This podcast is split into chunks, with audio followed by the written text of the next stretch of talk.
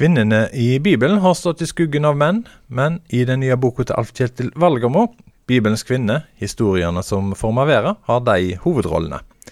Og Han sier at det er litt symptomatisk for kvinnene i Bibelen at kvinner kvinna Jesus ber oss huske, kan vi ikke navnet på. Det, det er akkurat det, som jeg syns er litt symptomatisk. Fordi uh, altså, det er jo litt spesielt da, når du har en rett og slett et utsagn fra Jesus om at denne kvinna her skal liksom bli huska og lovprist eh, alle, til alle tider. Og så har ikke evangelistene klart å fått med seg navnet. Eh, og så er på en måte litt sånn glemt allerede fra starten. Selv om på en måte det, historia står. Og da, og da, har jo det vært også um, vanskelig etter tid på en måte å vite helt sikkert hvem denne kvinna er. Og i og med at Eh, denne salvinga går, går, jo igjen i flere evangelier med litt uh, ulike kvinner også. Så, så, um, så har en kanskje sett det i sammenheng med de andre historiene, som ofte blir tolka som enten uh, Maria fra Betania eller Maria Magdalena. Eh, men det er ikke helt gitt at det er den samme historien. Sånn at i, uh, i, den fortellinga så, så, er hun, den kvinna navnløs. Den eneste som Jesus direkte sier at uh, denne kvinna skal alle huske. Så det er, det er, absolutt litt symptomatisk. Det er helt riktig. I denne boka som du har uh, nå kommet ut med nylig, 'Bibelens kvinne', historier som former verden, uh, heter tittelen på boka. Former verden. På hvilken måte har kvinnen i Bibelen vært med å forme verden? Nei, jeg tenker Når, når uh, de er så sentrale gjennom hele den bibelske historien, så, så er jo de med på en måte å forme hele den uh, bi bibelhistorien, på en måte. Da. Som også er en, en viktig del av eh, verdenshistorien og på en måte hele samfunnsutviklinga også. Bibelen er jo verdens mest leste bok og har hatt en enorm innflytelse Eh, ikke bare på tru, men også på, på samfunnsutvikling og kunst. Eh? Jeg skriver jo også mye i boka om hvordan kvinnene blir framstilt i kunsten. Eh, I bildekunst og litteratur, musikk og film. Og kvinnene er jo, selv om de også blir av og til da omtolka og av og til i negativt lys, eh, eller satt litt i skyggen, så har de jo også satt sitt preg på eh, både Bibelen, på teologien og på, på kunsten. Eh, sånn at de har absolutt vært med på å forme det som er den verdenen som vi lever i i dag også. Når Bibelen ble skrevet, så var jo menn og kvinner si rolle i samfunnet annerledes enn det samfunnet vi har i dag, spesielt her i Norge. Eh, og så har det jo vært eh, en 2000 år historie eh, som òg er ikke så veldig ulik eh, Bibelen sitt eh, syn på kvinner.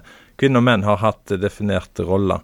Så kommer vi til vår tid, der likestillinga har gjort at vi, vi tenker annerledes enn det en har gjort tidligere i historien. Det å lese Bibelen da, blir det eh, er vi så forma av den historien vi har hørt, at, at vi ikke greier å se de kvinnene som er i Bibelen, og rolla deres? Det er jo i hvert fall noe som man bør være litt bevisst, at det, den lange teologiske tradisjonen er jo i stor grad forma av menn. Eh, og, og det, det, betyr jo også at, det, at det mannlige, en mannlig fortolkning måte, ligger litt i bunnen av den tradisjonen som måte, vi har.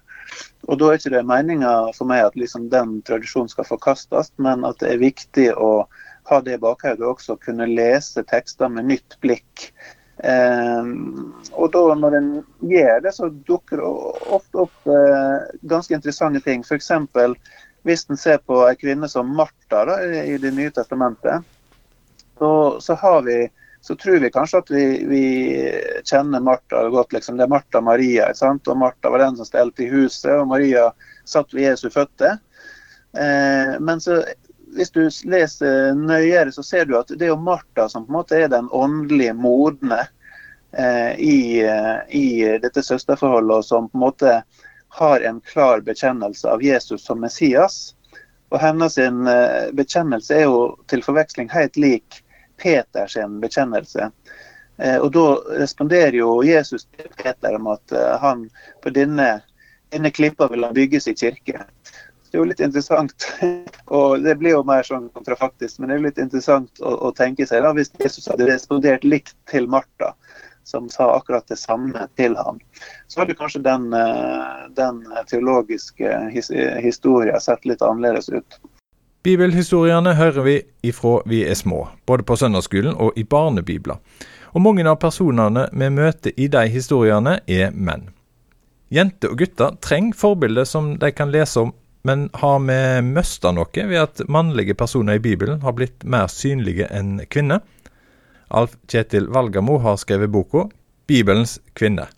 Unge jenter trenger jo sterke forbilder som de kan identifisere seg med. Og det er klart at en har jo på en måte hatt liksom sånn, har hatt Ruth. ikke sant? Altså, Jeg vil bli som Daniel, og jeg vil bli som Ruth. Og Du har hatt noen sånne som en, uh, som en på en måte har kunnet identifisert seg med, men ikke i så stor grad de rene heltehistoriene. Men hvis vi går til Nytestamentet, og ei som Maria Magdalena, som det står mye om. Kunne hun blitt en helt, hvis, hvis vi leser Bibelen med, med dagens øyne? Ja, et veldig fint eksempel. For Maria Magdalena har jo blitt offer for en, si, en mannlig fortolkning som har satt henne i en bås som ikke er bibelsk, rett og slett. Eh, stemmer ikke. Og dette skriver seg tilbake til eh, pave Gregor på 500-tallet, og, og, kanskje enda lenger tilbake til teologen Tertulian. Iallfall så ble Maria Magdalena eh, oppfatta som en prostituert, eller tidligere prostituert. Og Det står det ingenting om i Bibelen at hun er. Eh, mens det er jo et bilde av Maria Magdalena som fikk fotfeste da tidlig, og som har holdt seg gjennom hele historien, helt fram til i dag. Og, og, fortsatt i dag så ser vi i populærkulturen eh, at Maria Magdalena blir framstilt som en, eh, ja, som en litt sånn syndig kvinne. Du kan bare tenke på og uh, Jesus Christ Superstar eller uh, Martin Scorsese sin film 'Jesus siste fristelse'. og ja, Det er mange eksempel på at Maria Magdalena er, er en sånn ja, egentlig en, en, en sånn tidligere vulgær eller ja, en prostituert som på en måte da har blitt tatt til nåde av, av av Jesus. Og Det er jo på en måte et, et, et fint element i det, men du, du, mister et viktig aspekt. Nemlig at, Martha, at, Maria Magdalena var en av Jesu nærmeste eh, disipler. Og Det står jo om Maria Magdalena i Bibelen at hun fulgte Jesus rundt under eh, tida når Jesus utførte sin offentlige gjerning i Galilea og var med å bidra til at de kunne gjøre det. Var med å støtte Jesus og de andre med, med alt de hadde, står det. Altså kanskje Sannsynligvis også økonomiske midler. Og så er jo det aller viktigste fortellinga om Maria Magdalena er at hun er den første som ser den oppstandende Jesus Kristus. Eh, og det er et kjempeviktig poeng. fordi på Jesu tid så hadde jo ikke kvinnen status som, som vitne i retten. Og at Jesus da først viser seg for, for Maria Magdalena og for noen andre kvinner, eh, det er ekstremt viktig. For de får faktisk det aller første eh, læreansvar. Altså Jesus sier til disse kvinnene at de skal gå og fortelle eh, de andre, fortelle brødrene, eh, at Jesus har stått opp. Så det er Maria Magdalena og, og de andre kvinnene som på en måte er forkynnerne av det viktigste dogmet av alle i kristendommen fra starten av. At eh, Jesus som døde, eh, sto opp igjen.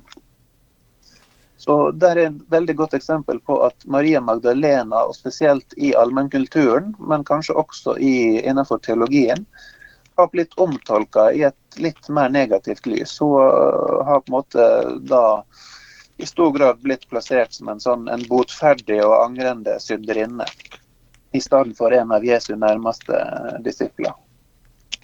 Men nå har vi jo lest Bibelen i mange hundre år, og vi som lever i dag, eh, som har eh, har jo òg blitt prega av, av, det som er blitt uh, fortalt, og den historiefortellinga uh, der menn er blitt uh, hovedpersoner nå. Og sånn som du sier, altså kvinnene er blitt uh, annenrangs, eller de andre. tror du at det er fremdeles mulig å snu dette bildet her, eller er, er toget godt for, for måten vi forholder oss til det bibelske menn og kvinner?